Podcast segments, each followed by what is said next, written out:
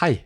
Denne episoden av Filmfrelst presenteres av distributøren Another World Entertainment, som i en årrekke har servert oss kult- og kvalitetsfilmer av regissører som Gaspar Noé, Xavier Dolan og Hirokazu Koreda. I disse dager presenterer Another World det kritikerroste spenningsdramaet RMN på kino i Norge. Et nytt storverk fra gullpalmevinner Christian Mungiu. Montage skrev om filmen at Mungiu gransker rumensk identitet, selvforståelse og frykten for det ukjente i en engasjerende, uforutsigbar fortelling. RMN vises på norske kinoer fra fredag 5. mai.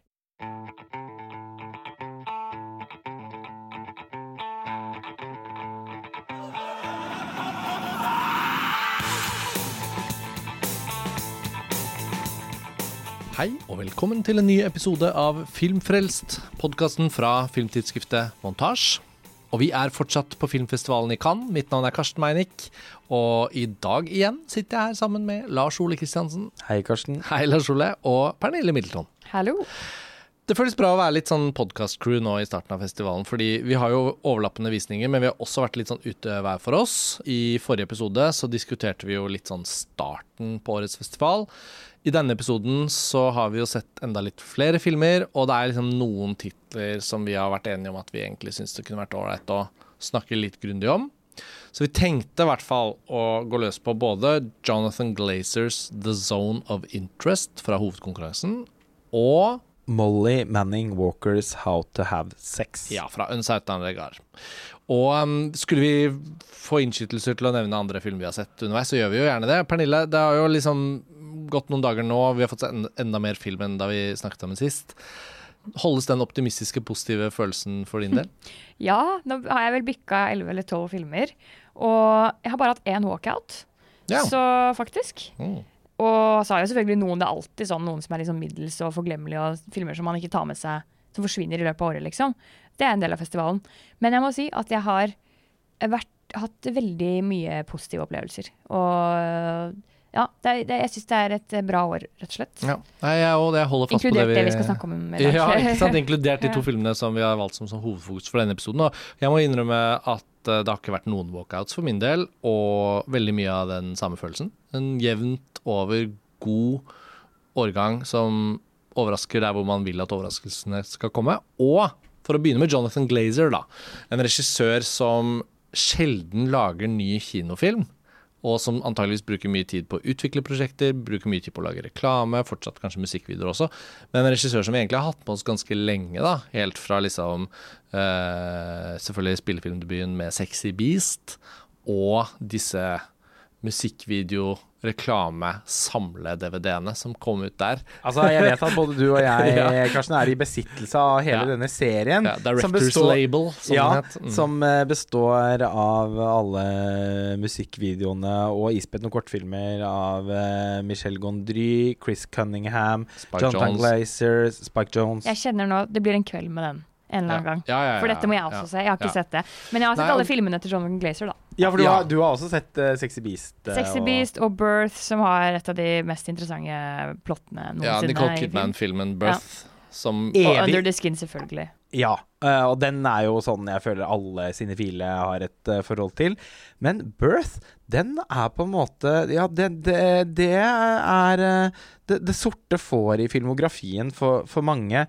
Jeg overhørte da jeg satt ute på Cineum Imax for Mm. å se The Zone of Interest. Jeg tenkte at det, en ny film av Glazer har lyst til å se i den Imax-salen når den muligheten er der. Sikkert mange av lytterne som ikke har nær kjennskap til de ulike Visnings- visningsstedene i Cannes. Men eh, det er verdt å nevne da at eh, det har blitt vesentlig flere av dem i løpet av de siste årene. Mm. Det var mye vanskeligere å få sett film her i ja, 2011, 12, 13, 14, 15, da vi var uh, nykommere på, uh, Våre festivalen. ungdomsår kan Yes, uh, og mye av Altså, no, den viktigste årsaken til det er jo rett og slett at det er flere visningsarenaer. Og i 2021, eh, under pandemien, så åpnet Cineum. Som da er en, et gigantisk multiplex som ligger ute i bydelen La Bocca, som da er en slags sånn forstad til Cannes, der vi pleier å bo. Så vi eh, tenkte jo med en gang at det her er jo en fantastisk bonus uh, for oss. Og det har jo da vist seg å være det suverent beste stedet å se film i Cannes. Hvis du isolerer det fra all romantikken, nostalgien, glamouren, og bare tenker på når jeg ser en film, så vil jeg sitte best mulig og se på best mulig teknisk projeksjon, så er jo Cineum helt overtruffen de andre visningsarenaene. Beinplass blir viktigere og viktigere med årene. At det er mulig å liksom bytte litt sittestilling og sånn. Yes. For det går jo faktisk ikke i Lumière Nei, vi blir jo eldre. Har du Ja. hørt de gamlisene fra montasje, eller? De vil bare gå i sånn kinosal hvor det er kjempegod Det er jo så deilig med de reclinerne og noen av setene har sånn USB, sånn, la, nei, sånn derre eh, lader til Ja, ja, altså, jeg, jeg-. Jeg er jo veldig glad i komfort, og har hatt store problemer med hvor ukomfortabel kan av og til kan være. Det er, altså, det er, det, festivalen har noen av verdens verste saler, vil jeg si. Sittekomfortmessig, og også hva gjelder på en måte den audiovisuelle opplevelsen. Det er kanskje vanskelig å tro, men kom og se. Og å se film i Lumière, det er en, Det såkalte veldig festivalpalasset for de som hører på som ikke Ja. har hørt oss si det før. En av verdens største kinosaler. 2500 plasser. 2008. 2008. 2008, ja. Mm. Det kan jo være fantastisk å se film der hvis man får tildelt en god plass. Hvis man sitter i det såkalte orkesteret, altså nede, så er det nesten bra uansett, bare man ikke får en av de aller fremste plassene. Som jeg f.eks. kan huske at vi fikk, Karsten, den gangen vi var på premieren til den siste Det som viste seg å bli den siste fiksjonsfilmen til Abbas eh, Kiarostami. Yes, minneverdig, men litt for langt fremme, ja. Litt for langt fremme, mildt sagt. Eh, normalt havner vi oppe på den såkalte balkon, som er et sånn fragleberg. Eh, se for dere liksom Oslo Spektrum. Ja. kontra å stå nede og sitte oppe. Og, Det er, det er ikke der du ser stjernene, for å si det sånn. nei, og nærheten til lerretet. Det kan bli litt som å se på TV. Ja, Så havner man helt øverst bakerst. Så eh, skal filmen være veldig god for at du skal bli fengslet, da. Og det har jo vært et problem eh, ved, ved flere anledninger, som nå egentlig da mer eller mindre er løst. Fordi nå kan man i mye større grad eh, sherrypicke litt hvor man ønsker å se filmene. Og som sagt, en ny film av Jonathan Glazer, den vil jeg se i Imax-salen på Mm. Cineum. Og jeg havnet da bak et par amerikanere som satt og liksom jazzet eh, seg gjennom Glazer-filmografien. Og begge hadde det til felles at de ikke hadde sett Birth. Because it's, it's like everyone says it's really bad. And my teacher at film school said it was like an anomaly in its filmography. And well, I really, I, I never like Jeg elsker å overhøre amerikanere i Cannes. Det er Jeg, jeg snudde meg, ja. Nei. Hi. Oi. Nei, så jævlig gøy. Nå er jeg imponert. Denne historien tok en vending jeg ikke hadde forventet Ja. å høre.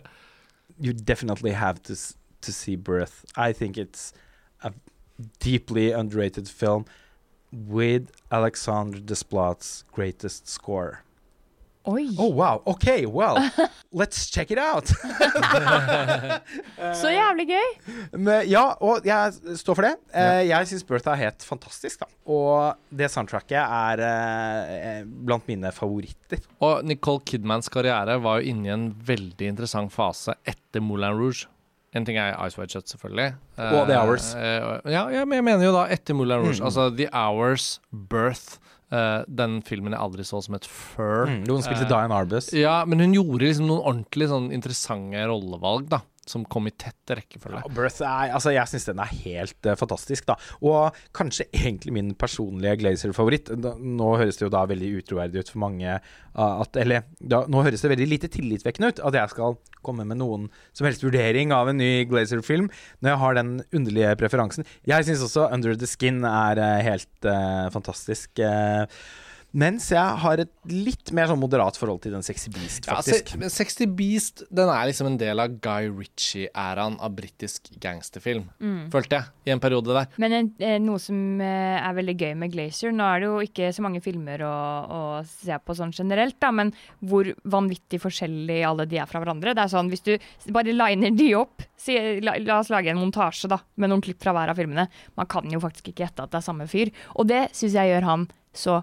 utrolig interessant. Og det gjør det jo veldig spennende å se en ny Glazer-film. Ja, hva er det vi skal få denne gangen? Og, Liksom? og jeg sa faktisk, eh, litt sånn på kødd egentlig Den, Jeg tror første eller andre kvelden, så, så bare tenker jeg nå skal jeg teste ut denne tankerekken.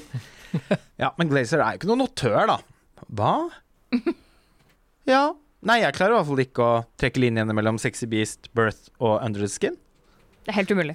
Men ser man uh, musikkvideoene hans, så, så blir han, og kortfilmene hans, så er det noe definitivt. Og da er jo Under the Skin kanskje egentlig hans første spillefilm som lyktes med å eh, by på alt han har som filmskaper. Ja, for å bringe oss til da The Zone of Interest, så vil jeg jo si at av de fire spillefilmene, så er det jo broen fra det han kommer opp med i Under the Skin, og videre til The Zone of Interest, som kanskje er den letteste koblingen å gjøre. Da, fordi Enig. eh, det han gjør med Under the Skin, selv om Scarlett Johansson spiller hovedrollen, en av verdens mest berømte filmstjerner, på en måte, så beveger han seg inn i kunstfilmen. Og der er han fortsatt, med The Zone of Interest. Og jeg syns også eh, Glazer med denne nye filmen viser jo på en måte at han fortsetter det som strengt tatt var et veldig alvor. Under the Skin som toneleie, da. Hva er det den filmen liksom prøver Det er liksom Mikael Levis musikk, Ja. og, og hele liksom viben i den filmen er veldig alvorlig. Birth litt, men den er litt camp òg, for den er litt sånn Det er litt sånn vri.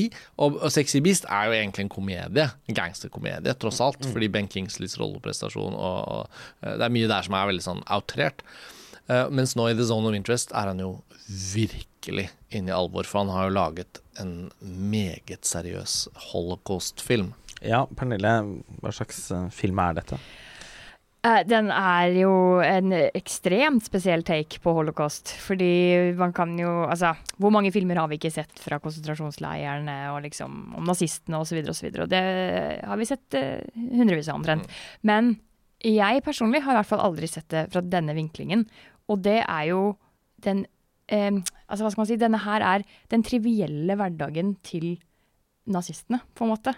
Hvor alt det som skjer alt jævelskapen inni konsentrasjonsleirene aldri eh, synes. Du bare hører det. Det er som et slags sånn der fjernt bakteppe som du ikke forholder deg til.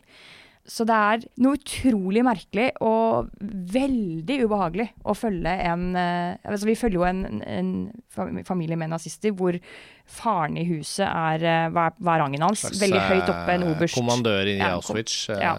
Han er såpass høyt oppe i systemet at han bor i liksom villaen som ligger vegg i vegg med Auschwitz. Der faktisk bare muren skiller hans fantastiske frodige hage og ja, konsentrasjonsleiren. Og vi bare eh, observerer denne familiens eh, hverdag med tjenere og matlaging og masse barn som skal på skole og ja, hverdagen rett og slett. Samtidig som vi konstant hører skrik eh, i det fjerne, men det er der, og eh, rifleskudd, og vi ser dunster av røyk fra liksom krematoriet som bare konstant kjører og går og går og går. Og det, det er rett og slett så eh, Ja, altså det er jo så konstant at det blir litt sånn Man blir nummen av det, Ja. ikke sant? Ja, Eh, og altså, det blir jo på et tidspunkt referert til som et paradis ja. i det absolutte helvete, da. Som jo aldri egentlig blir kommentert, men eh, den fantastiske tyske skuespilleren Sandra Hyller spiller jo da kona til denne obersten. Også kalt dronningen av Auschwitz. Og hun har en veldig påfallende interesse for botanikk, og er så høy på at de har fått eh, denne villaen med en så fantastisk hage, og Mm. det gror så godt der i jorden, og de eh, er mer eller mindre sjølberga med grønnsaker, og sjeldne orkideer eh, eh, dyrkes fram.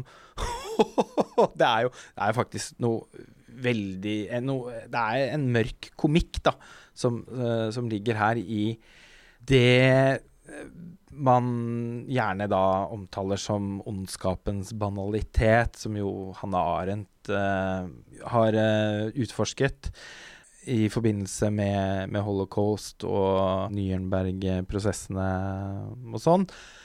Og den ideen er jo egentlig ganske enkel, og heller ikke påfallende original. Så man kan jo egentlig si at The Zone of Interest er en slags uh, forferdelig variasjon over gutten i den stripete pys- pysjamasen, som eh, ikke var en film jeg endte opp med å se, men en roman jeg har lest. Som jo eh, Mye mindre dramatisk, kan man si. Nei, men altså på en eller annen måte så handler den jo litt om det samme. Bare at de, tyskerne som jobbet i Auschwitz, hadde eh, Noen av de som var høyt i rang, da, bodde der med sine familier. Og de familiene forsøkte jo, på en måte, holdt på å si, etter beste evne, å ha en hverdag der bl.a. barna da skulle skjermes for det som foregikk rundt, som jo er en helt absurd situasjon. Men akkurat i den, da, med 'Gutten i stripete pysjamasen', som er en film jeg har sett, som også selvfølgelig er helt jævlig, så han er jo mye av dramaet det med interaksjonen, Uh, med at noen av barna blir kjent med, med, med en gutt på andre siden av gjerdet. Og nå er jo også det en veldig sånn melodramatisk fortelling, eh, og det kan man jo Det er jo et ord man absolutt ikke kan bruke for å beskrive Glazer sin, sin tilnærming til en lignende eh, tematikk. Men eh, jeg tenker at noe av liksom kjernen her er jo at de som jobbet i Auschwitz, de Når de var ferdig på en måte med arbeidsdagen, så hadde de et hjem å ja, komme hjem til. Mm. Eh, og et, etter at de hadde brent eh, folk i ovner, så, så, så skulle de hjemme og leke med barna. Og Ha bursdagsselskap og bursdagsselskaper og og spise middager.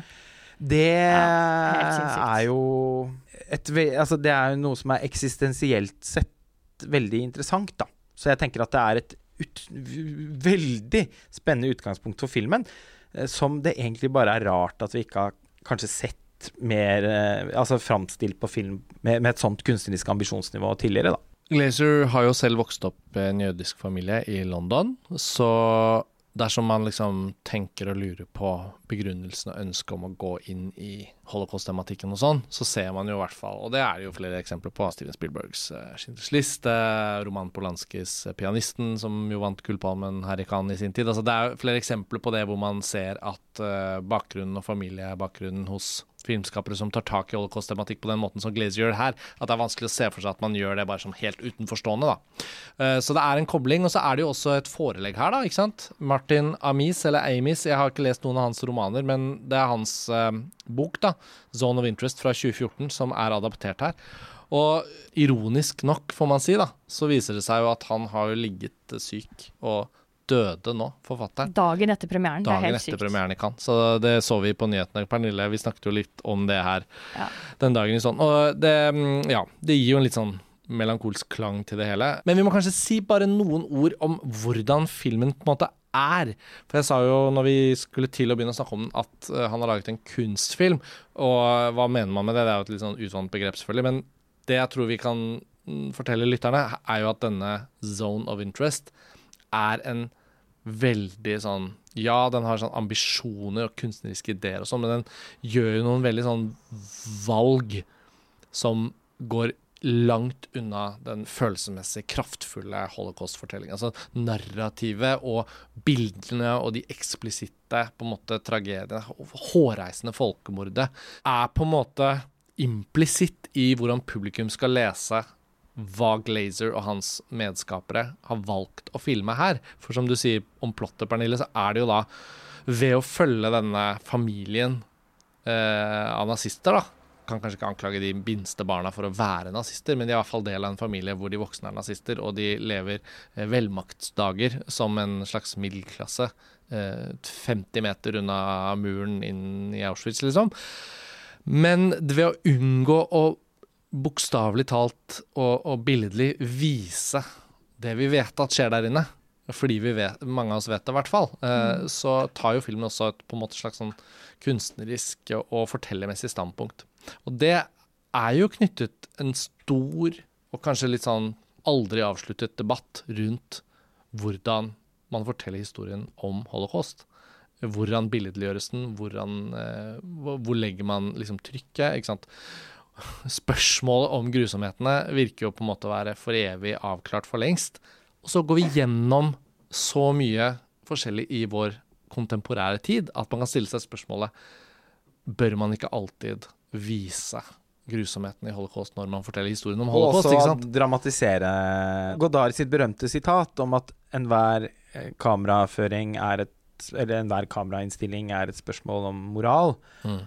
Har jo sjelden meldt seg så tydelig som når det er debatter om holocaust-filmer. Og eh, østerrikske Michael Haneke f.eks. er jo en uttalt kritiker av Schindlers liste. Mm. Nettopp fordi at han synes at Spielberg går for langt i å eh, lage meddrivende eh, fiksjon over de hendelsene.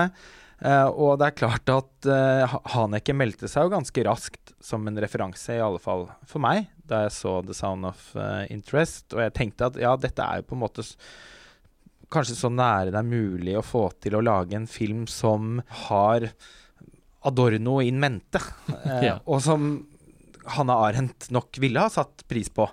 Men eh, ved å gjøre de veldig tydelige kunstneriske valgene, så kan man jo også si at Jonathan Glazer på en måte forsaker noen muligheter. Og det er kanskje det som gjør filmen litt sånn spennende å snakke om, da. Jeg likte veldig godt den kunstneriske tilnærmingen han har valgt til dette prosjektet. Altså, på en side fordi at for meg så var det helt veldig nytt. Altså, jeg har aldri sett det vinklet på den måten før.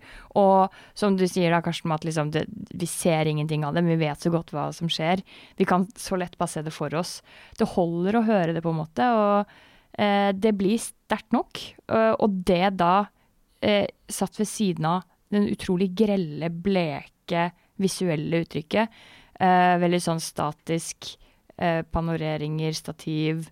Veldig lite levende, egentlig, og stygt digitalt objekt.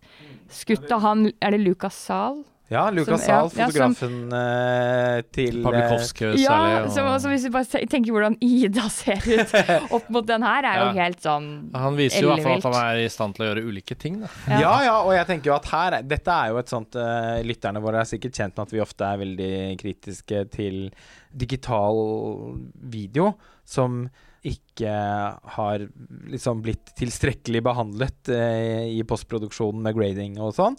Men her er det jo et poeng. Ja. Og det var de i Under the Skin den måten den filmen var digital på, var også veldig sånn Ja.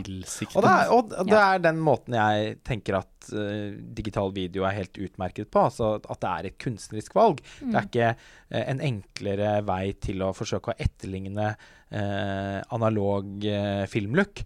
Så det tenker jeg er eh, et det, det er helt riktig at denne filmen ser så ugjestmild ut, og så lite forførende som den gjør. På mange måter den så utrolig rake motsetningen til Saul Sønn du kan få.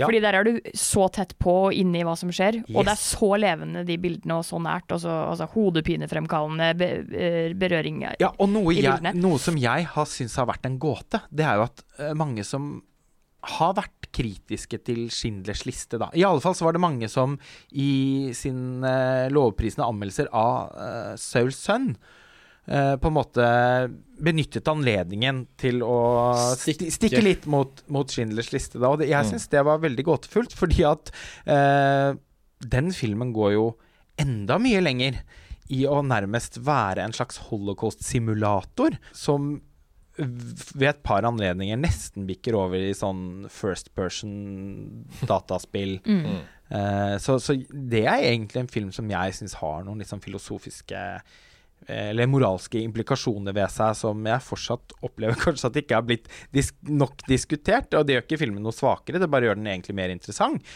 Men veldig bra eksempel da, Pernille, på en helt annen tilnærming da, enn det Glazer går for her.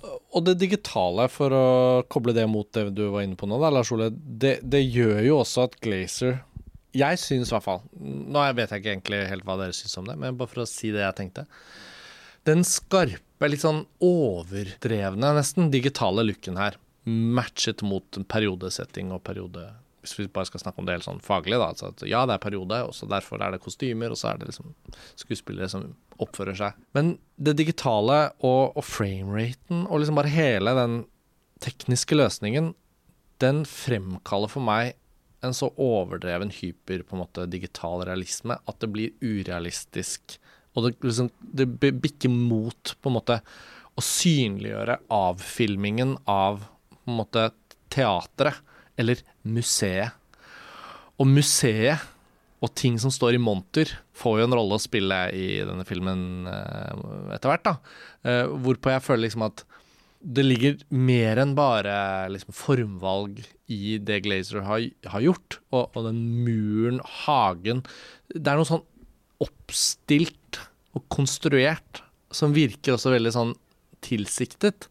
Samtidig så er spillet og situasjonen og den lille dramatikken som av og til skjer innad i scenene, den er jo veldig selvfølgelig sånn realistisk på en sånn troverdig måte. Det er ikke det at det mangler, men filmen er også en sånn kunstighet. Ja, jeg er helt altså, enig med deg. Det, det, det var spennende.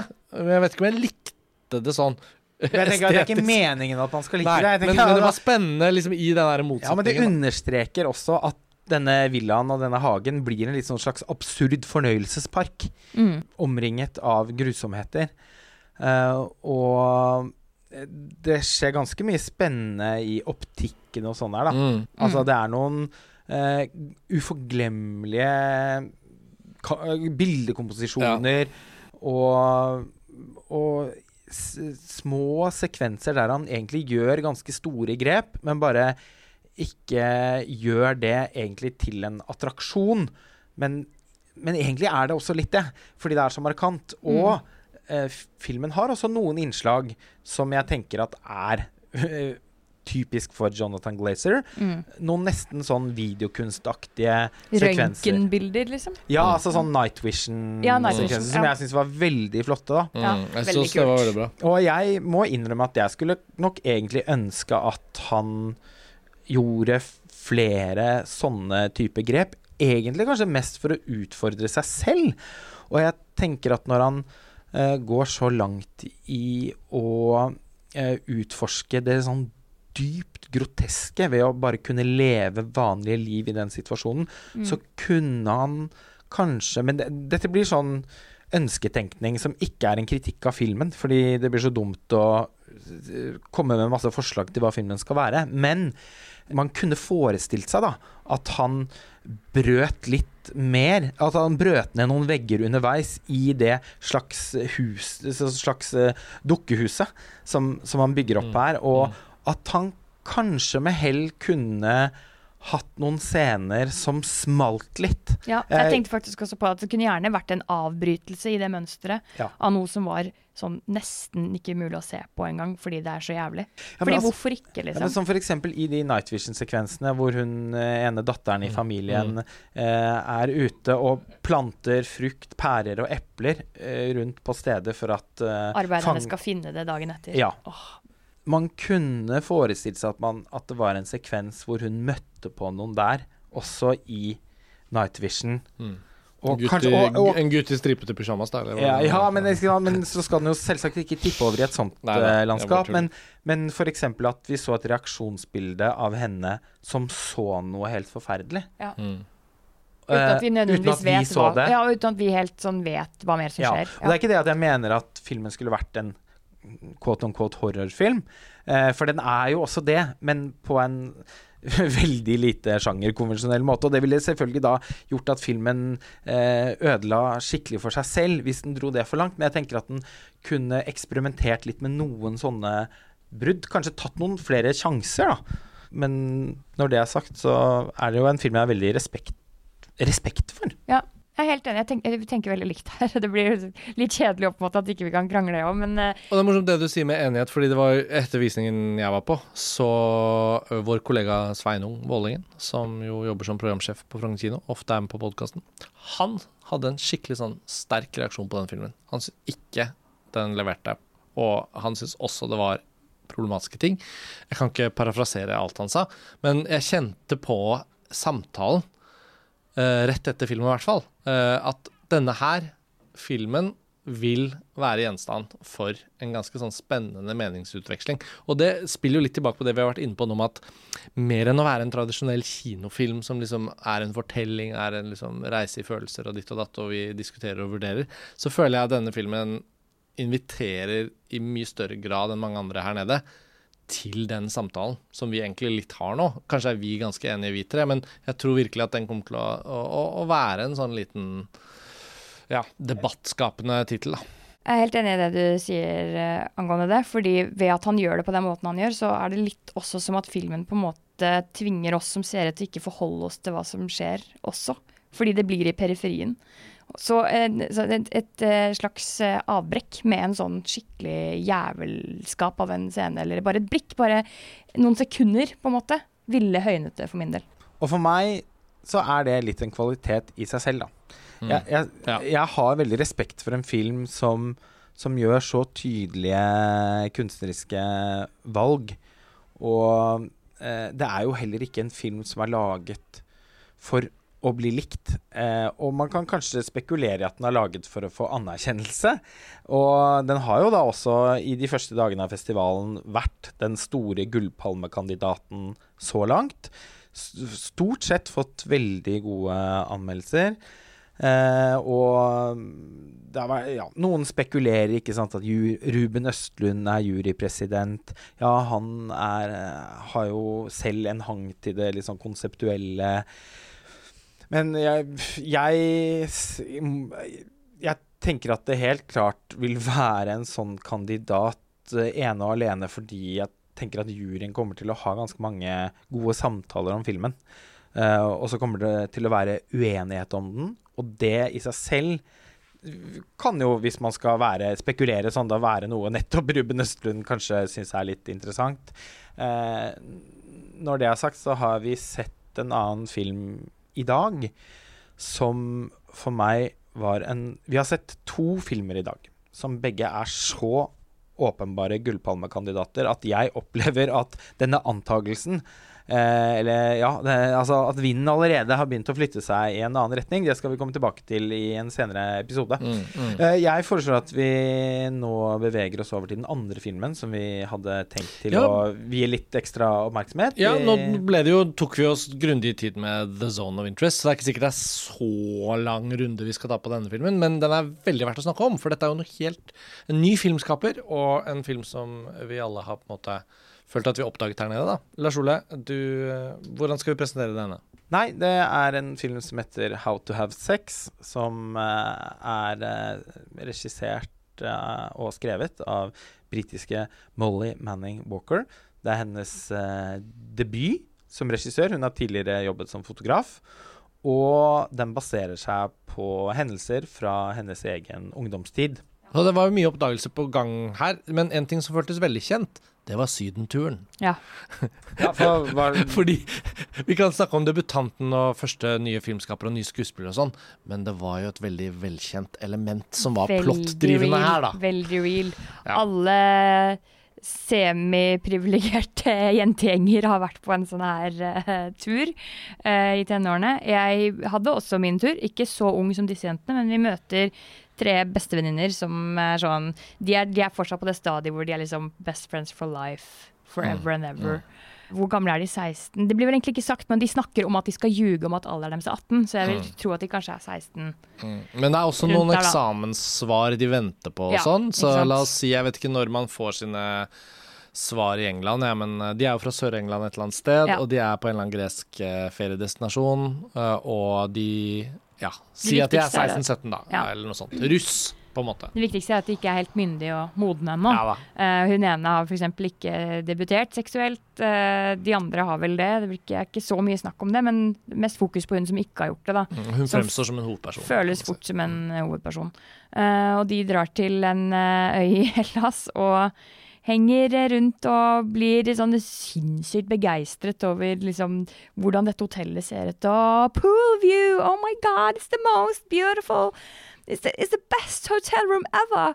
Og det er liksom, de, de kan liksom ikke få nok av denne sydenestetikken, og det er åpenbart deres første møte med den som, eh, som i sin egen person, da, hvor de ikke har blitt drasset med av foreldrene som barn og i bamseklubben og alt det der. Ja. Nå, er det liksom, nå har de dratt nå er de sin, på sin første modne jentetur. Ja.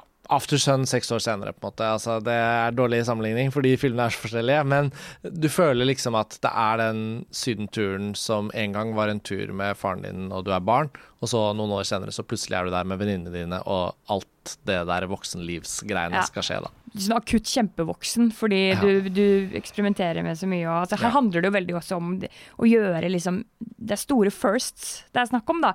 Som at eh, det er jo et slags mål på denne sydenturen nå, og at hun ene skal ha sex for Ja, første at hun gang. som blir Eller alle vil egentlig ligge, da. Det er Alle veldig vil viktig. ligge eller så, De snakker om å fordele rommene, og den som skal ligge mest, må få liksom master bedroom og sånt. Er veldig Og det er jo da tre Det er mye, det er mye humør i starten. Ja, veldig. Og de gleder seg, og det er egentlig bare positivt. Og det er tre venninner. Hun ene er på en måte litt sånn dominerende gjengen. Og så er det en som er skeiv, Ja. og som er den mest Og den smarte. voksne Ja. Av de den tre. godeste. Hun som alle vet at kommer til å få alle de beste karakterene. Ja, hun fordi hun skal også bli og hun skal veterinær, da. Hun skal bli rik og betale for de andre neste gang de drar på tur. Og alt Ja. er avklart. ja. Men det blir jo da uh, raskt etablert et fokus på at uh, den ene av dem skal debutere seksuelt i løpet av denne reisen. Det må liksom være Det Ja. må skje nå! Bare BA-style. Bare BA-style. Ja, ja. Men så, i motsetning til i bare BA, eller i den fantastisk morsomme danske filmen Supervoksen, så er det ikke et sånt organisert samarbeidsprosjekt. Alt bare sklir ut med en gang. Og derfor blir det også ganske raskt noe litt et kjipt element ved turen. Ja, for filmen tar jo en kjapp vending over i alvor. ja. Ja, samtidig som jeg syns at uh, regissøren har gjort et uh, et veldig riktig valg ved å la oss skvulpe med de i bassengene og nede i drinkklassene sikkert 30-40 minutter før en mørk sky langsomt begynner å, å dekke over eh, fortellingen. Det er veldig lenge god S, som gjør at filmen totalt sett ikke føles så tung. Fordi Nei. den er liksom så deilig å være med på først, Ja. og morsom. Og kanskje en av mine favorittøyeblikk er den en av eh, morgenen etter den første fyllekula. Hvor hun, eh, hun mest uskyldige, eller hovedjenta vår, da, eh, våkner og skal eh, gå seg en tur ned til, til poolen eh, aleine. Og så blir det sånn slow motion-sekvens med liksom Det bare dundrer en av hitene til Flume, som er en eh, DJ jeg er veldig opptatt av, mens hun bare ser på utvalget i bassenget, og det er så mange andre ungdomsgjenger og masse boys. Eh, så det er jo litt sånn derre Det er mange fisker i bassenget-stemning akkurat der.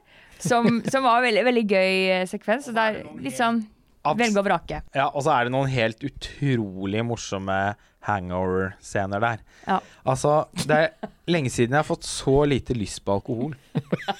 Som da jeg så Altså, den første halvdelen av How to have sex. Ja, ikke bare får man jo veldig lite lyst på det når de har hangovers, men man får jo ikke så veldig lyst på alkohol når, Når de drikker heller. drikker heller. For de får sånne Baljer med blå drikke. baljer ja, med, med tre liter blå spritgreier med noen Fire sugerør oppi. altså. Altså, er helt jævlig. av Og realnessen i sydenskildringen blir jo da påfallende der. Da. Ja. Ja, altså miksen av de dårlige drinkene, vodkashottene og litt sånn øl Ja. in the mix. Og det britiske Er altså elementet. så Man kjenner Man får brekninger, nesten. Ja. Jeg kan lukte denne filmen. Jeg er, Det sikker, jeg jeg er sikker på at svenske og norske sydenturister og ungdommer uh, gjør seg gjeldende på samme usjarmerende vis rundt omkring i Syden. eh, i hermetegn. Nå har jo du aldri sett en sesong av Paradise Hotel, eh, Karsten. Aldri.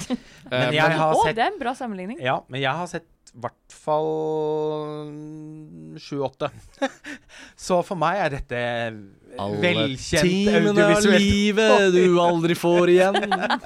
men, men ja, og så Spring Breakers er jo da også eh, en litt sånn Nesten for on the nose-referanse. fordi jeg Den blir syns for egentlig artsy igjen. Ja, men jeg tenker at de filmene har veldig lite til felles. Mm. Denne er eh, så liksom avklart realistisk i Mm. uttrykket, selv om den samtidig er litt kul. Mens uh, det Harmony Corrine holder på med, er noe helt annet. Det er jo egentlig en Terence Malick-film. Jeg, jeg syns ikke den sammenligningen treffer helt. Ja, Den er mer dokumentar, på en måte, hvis man skal å se på det på den måten. Ja, men altså, jeg vet ikke helt, for på en eller annen måte så er nesten Spring Breakers mer det òg. Nettopp pga. de evigvarende montasjene av bare liksom livsøyeblikk. Mens her er det tydelig mer eller mindre uh, from the get-go at uh, Molly Manning Walker skal fortelle en historie. Mm.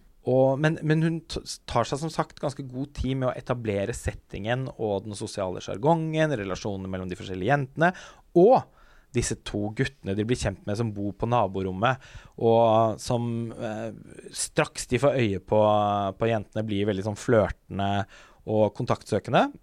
Og de, på et tidspunkt så drar jo de da alle sammen ut på byen. På et uh, sånt uh, Byen og byen. Ja, altså hva, hva De, skal man de si? går ned gaten to kvartaler. Ja, ja. Ja, og der uh, er det en klubb, da. Sant? Som de, som de, der de har en skikkelig sånn helaften.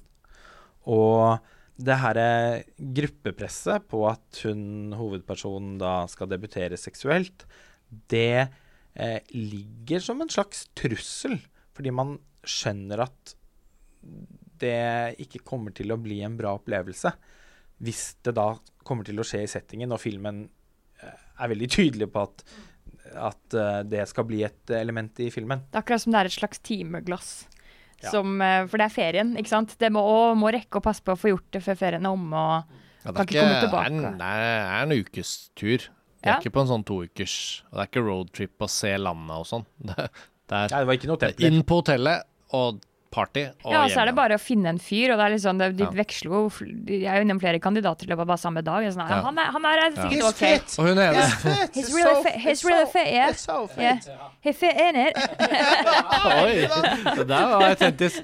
Ja. Det er litt fishtank her, føler jeg òg. Selv om fishtank er sånn britisk Ja, men Andrea. Arnold tenker jeg er en Mm, mer relevant referanse. da Nettopp Mm. fordi at hun har jo da eh, laget filmer som er så tydelig liksom forankret i liksom europeisk realisme. Ja, eller poetisk sosialrealisme, kan man si. Ja, men det, men det er jo, eh, tenker jeg òg at er en Altså, på 2000-tallet Mm. så eh, slo de inn en slags bølge av eh, realisme over europeisk film. Og så finnes det mange bakenforliggende årsaker til det som jeg tenker at vi ikke skal eh, fordype oss i i denne episoden. Men man har Lukas Modisson fra Sverige, man har uh, den rumenske nybølgen, Mm. vi har Dardem-brødrene i sin senit, og uh, britisk film i en, egentlig da en Kanskje ikke en ny fase, men mer en forlengelse av egentlig da uh, kanskje kjernen i britisk filmhistorie. Med Ken Loach og den tidlige Mike Lee, i hvert fall. Og så har jo Andrea Arnold i Fish Tank for eksempel, da, lyktes utrolig godt med å lage en variasjon over de tradisjonene som, som kommuniserer med tiden de har laget i. Og jeg tenker jo det egentlig da at Molly Manning Walker skriver seg inn i, i det. Uh, men jeg ble veldig imponert over, må jeg bare si, hvordan hun har valgt å strukturere filmen. For eh, etter den, denne store festaften er over, så våkner de andre vennene enn hovedpersonen opp og begynner å lure på hvorfor vedkommende da ikke er til stede. Og den, litt, den kjipe av de tre venninnene wow, she, she finally got laid! She got laid! Where's she? She's on a Også litt sånn somewhere." misunnelig, fordi hun Ikke ligget. Ja, for hun har ikke ligget. Nei. Og at hun ikke Så- har blitt involvert. Hun vet ikke helt. Hun, Nei, vet for hun vil ha kontroll over det, egentlig. Ja, Altså, hun er litt sånn regissøren Ja. her. Og så begynner jeg da med en gang å Du ser det på noen... kameravinklene. Ja. Allerede når de klipper fra, fra balkong til balkong den morgenen, så skjønner man i bildene at nå Da er det et alvor som Ja. senker seg over filmen. Og, Hvor har det blitt er av noen henne, slow liksom? Ja. zooms og noen urolige blikk. og, Og, og med en gang så begynner jeg da liksom nominere for meg selv sånn utkast til hva som kan komme til å skje. Sånn at åh, ja, nå har det skjedd noe helt forferdelig. Altså, hun har blitt eh, dopet ned på byen. Drukna, kanskje. Druk, ja, ja, men sånn, mm. man begynner å tenke litt sånn konvensjonelt dramatisk. For da vi så henne sist òg, så var det jo absolutt ikke klart hva, Nei, hva kvelden kom Nei, til å bringe. Det er ingen frampek. Så vi hopper liksom frem i tid. Men så gjør hun et veldig smart grep, syns jeg. Og det er at hun rett og slett bare spoler tilbake. Og så får vi følge hennes kveld. Og til slutt så kommer hun tilbake til leiligheten. Mm. Men hun har hatt en veldig, veldig kjip opplevelse. Men som hun ikke har lyst til at skal ødelegge turen. Så hun velger å ikke være åpen om det. Mm. Uh, og Og diskuterer vel også litt med seg selv hva var det egentlig jeg opplevde nå. At det var kjipt, det er det ingen tvil om. Men var det noe jeg gjorde? Var det noe noen andre gjorde? Var det noe Altså, hun så det er en sånn selvanklagende Mm. eh, tone, da.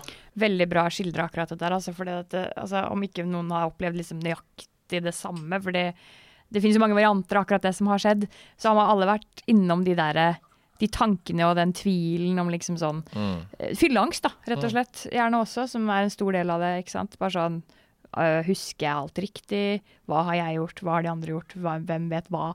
Og det er så mye man Hva kan dvele ved og, Hva og sa jeg ja angre til? på, ikke Og angre på. man, eh, har man vært i en tilstand Mm. hvor det da har vært å regne som et samtykke eller ikke. Og derfra ut så blir jo filmen eh, en fortelling som nettopp handler om gråsoner Mm. og eh, overgrep og Forstå seg på grenser. ja, og misog en misogyni Mm. blant unge gutter som jeg opp også opplever at filmen eh, med noen sånn egentlig helt subtilt f forsøker å si at er en del av kulturen vår.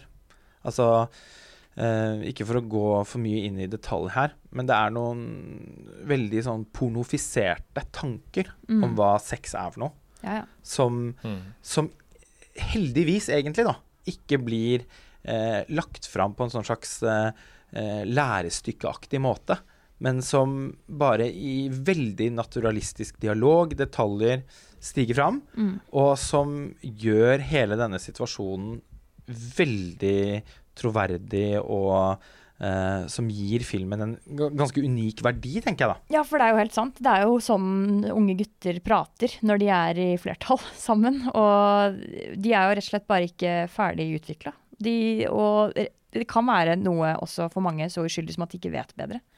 De, Ja, har, også- ikke, de har ikke levd, de har ikke erfart og eh, lært seg å kjenne jenter og kvinner og alt det følger med der. Da. Nei, for De fremstår jo på akkurat like uerfarne. Ja, det er det. Men eh, med en eh, Overdreven selvtillit liksom, for å vise seg frem litt for hverandre, kanskje. At det er et spill der også dem Ja, med en, en veldig provoserende eierskap til situasjonene, da. Men jeg vil jo også si at liksom hele sydentur-konseptgreia spiller jo inn her òg. Fordi de lekende, organiserte sånn sosialiseringskonseptene øh, Drikke seg opp ved poolen, lek om det. Liksom, hvem skal shotte hva, hvordan skal det drikkes?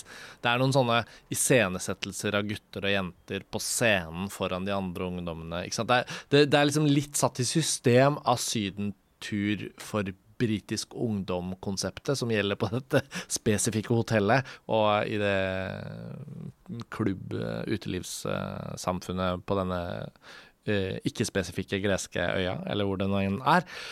Men jeg syns jo også at filmen tjener mye på at selv om guttene eh, som vi blir kjent med her, da, eller som er med i denne dramatikken, eh, skildres sånn som du sier, Lars Ole, så føler jeg også at jentegjengen vi reiser med, da, de tre jentene, de er ikke tegnet opp som sånne glorifiserte engler som bare uh, utsettes for liksom all mulig lidelse i syndens spøl.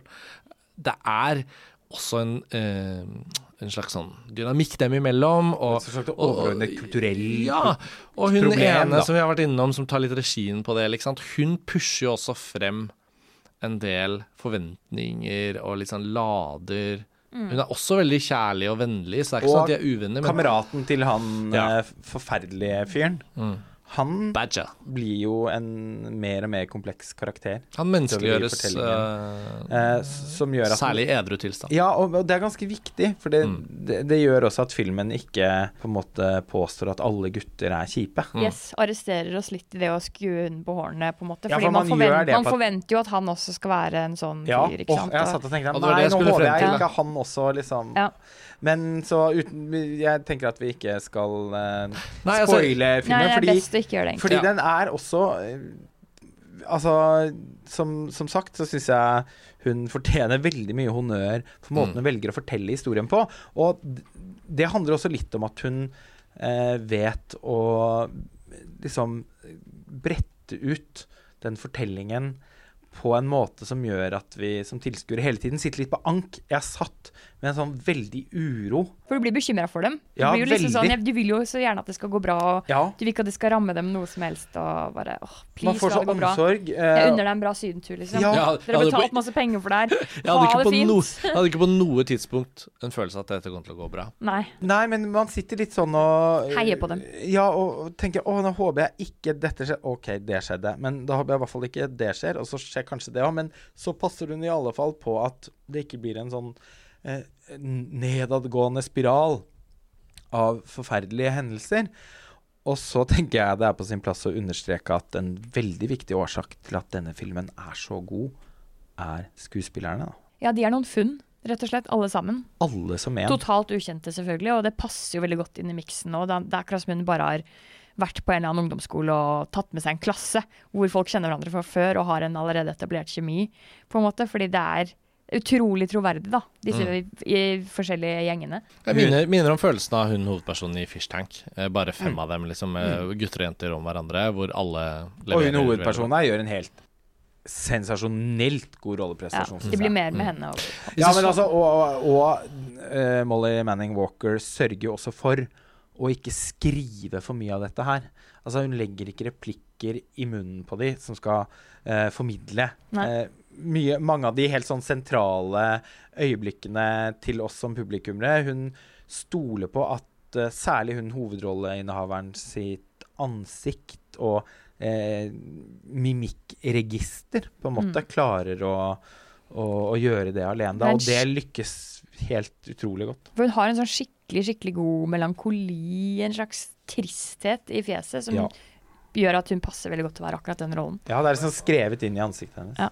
Om jeg skulle kommet med noen innsigelser sånn helt til slutt og i vår uh, siste oppsummering, så tror jeg jeg ville bare pekt på Og kanskje er det en yrkesskade for, for min del, da. Men jeg tenkte at i alt det bra vi nå har satt ord på, så følte jeg at filmen hadde to-tre minutter, da, spredt rundt omkring i ulike ti sekunders bolker, hvor jeg skulle likt å, klippe litt. Eh, eller ikke fordi det er dårlig, det er veldig, veldig, veldig gjennomført og bra film, men det er sånne Når man har, sant godt castede, men også uerfarne skuespillere som skal gestalte at man er blitt etter hvert eh, dritfull. Og det, det er litt fordi jeg også har sittet med sånt materiale på noen prosjekter jeg har klippet selv, og, og, og jeg bare kjenner så innmari på det. At en, en klipper kan gjøre så utrolig mye med noen sekunder fra eller til her eller der. Og i denne filmen, det eneste stedet eh, underveis hvor jeg luktet, og det var, gjaldt jo mest for åpningen, egentlig, hvor vi blir kjent med disse karakterene, hvor de er så overstadig glad først over å komme til dette hotellet. Og jeg skjønner ikke om det er eh, ironisk når de går inn på hotellrommet og er helt over seg. Og jeg ser jo et hotellrom som ser helt ekstremt ordinært ut. Og det er greit nok, men så er det noe med at de første fyllekulene som kommer litt sånn rapt på de første minuttene av filmen Det er akkurat et hyl for mye et par steder. Det er liksom noen sånne ting, og det er ikke sikkert noen andre enn meg eh, bryr seg veldig mye om sånne ting, men for meg var det da en av de få utfordringene som gjaldt her, for det var en film som fløt veldig bra, og når, når dramatikken er i gang, så er det ikke noen tvil. Men i starten så syns jeg det tok litt mer tid enn nødvendig å, å bli sånn dus med karakterenes realisme for hvem de var, da. Fordi det var så veldig skrudd opp til ti med en gang. Ehm, utover det så er det jo en helt sånn sjeldent fullendt debut når det kommer til det som er vanskeligst å få til på film. Sant? Å skildre ambivalente moralske situasjoner, og, og, og få ikke-profesjonelle skuespillere til å levere såpass mange komplekse, dramatiske scener på bra måte. Altså, så dette er jo en bra kandidat, tenker jeg, til Gullkamera, denne debutfilmprisen i Cannes, som vi i går kveld Ja, for det skulle jeg til å gikk- Vi, vi diskuterte det litt, og så gikk vi gjennom vinnere fra tidligere år. Og vi ble enige om at vi må nevne det på podkasten. Det var litt nedslående å se at gullkameraet har hatt veldig lite betydning. Fordi det er nesten ingen vinnere av debutprisen som snakkes mye om her nede. Gullkamera, den har sin egen jury osv. Men det er ekstremt sjelden at de som har vunnet den prisen, har gått hen og blitt store regissører. Altså, dette var helt nedslående. Ja, Og jeg visste ikke at det var så men jeg- ille. Men jeg har, jeg har jo tenkt på det noen ganger her nede når vi har vært der. Så jeg tenkte, den kommer jo til å vinne gullkamera. Så bare Hæ, det ble ikke den? Mm. Ja, og Nei, men da, og så tenker man ja, men da ble ble det sikkert noe annet kjempebra. Mm, Og så ser man den filmen i etterkant, og så var egentlig ikke det noe særlig. Tenk at ikke Charlotte Wells vant den for Aftersun i fjor! Det er jo en skandale. Og Julia Ducournau vant den ikke for Raw. Altså Noen av de største oppdagelsene vi har gjort, ikke sant? Så, så tenker vi ja, den vant selvfølgelig debutfilmprisen. Nei, den vant ikke debutprisen. Men i så måte så kan vi jo eh, anta at den ikke vinner Ja, kanskje det. Altså Miranda July vant Bare for å nevne noen av de vi eh, Ja, dere kan slå det opp, da. Det er Bare å søke på den Me kameraen. and Renee Camera d'Or, ja. en av mine favorittfilmer. Og, og all, all ære til hva hun har holdt på med siden da. Ja da. Men, det vært stor på spillefilmregissør som Nei da, med en øvre, det har kanskje Det har vært altfor få filmer. Jeg tror det er mange årsaker Mange ganske leie årsaker Ja. til at hun ikke fikk en større karriere, som også faktisk handler om litt strukturelle ting. Uh, men uh, de spillefilmene som har kommet etterpå, har jo uansett, da, selv om de har vært veldig få, ikke klart å leve opp til den utrolige, magiske debutfilmen Me and You and Everyone We Ja. Know, som Eh, til min store glede ble utgitt på Criterion Collection for Mm. et par-tre år siden. Mm. Og jeg hadde faktisk da et gjensyn med den med nevøen min eh, i fjor sommer. Og oh, den har holdt seg. Så det er en anbefaling på tampen av denne episoden. Mm. Men uavhengig av den prisens eh, litt sånn eh, svake Hva skal vi si? eh, Historikk. historikk, da. Og nå har vi jo bare sett eh, en brøkdel av programmet, men av det lille vi har sett til nå, så må vi jo kunne si at How to have sex, som kan tolkes som en ironisk tittel, er en bra kandidat til å være en av de store debutene vi oppdaget i år. Det er uh, veldig mye mer som ser ut til å ligge i eh, terrenget. Så hvis vi følger kartet, så blir det sikkert bra. Denne episoden må jo sies å være over nå. Vi har snakket litt lenger enn jeg hadde spådd, men det var mye vi hadde på hjertet om disse to filmene. Lars Ole og Pernille, det er bare å kaste seg ut i festivalløypa igjen i morgen. eh, Og Cannes-festivalen er ikke engang midtveis, så det er mye som gjenstår. Vi høres igjen veldig snart, og skal presentere flere episoder selvfølgelig om alt det vi har i vente. Takk for denne gang. Ha det bra. Ha det bra. Ha det.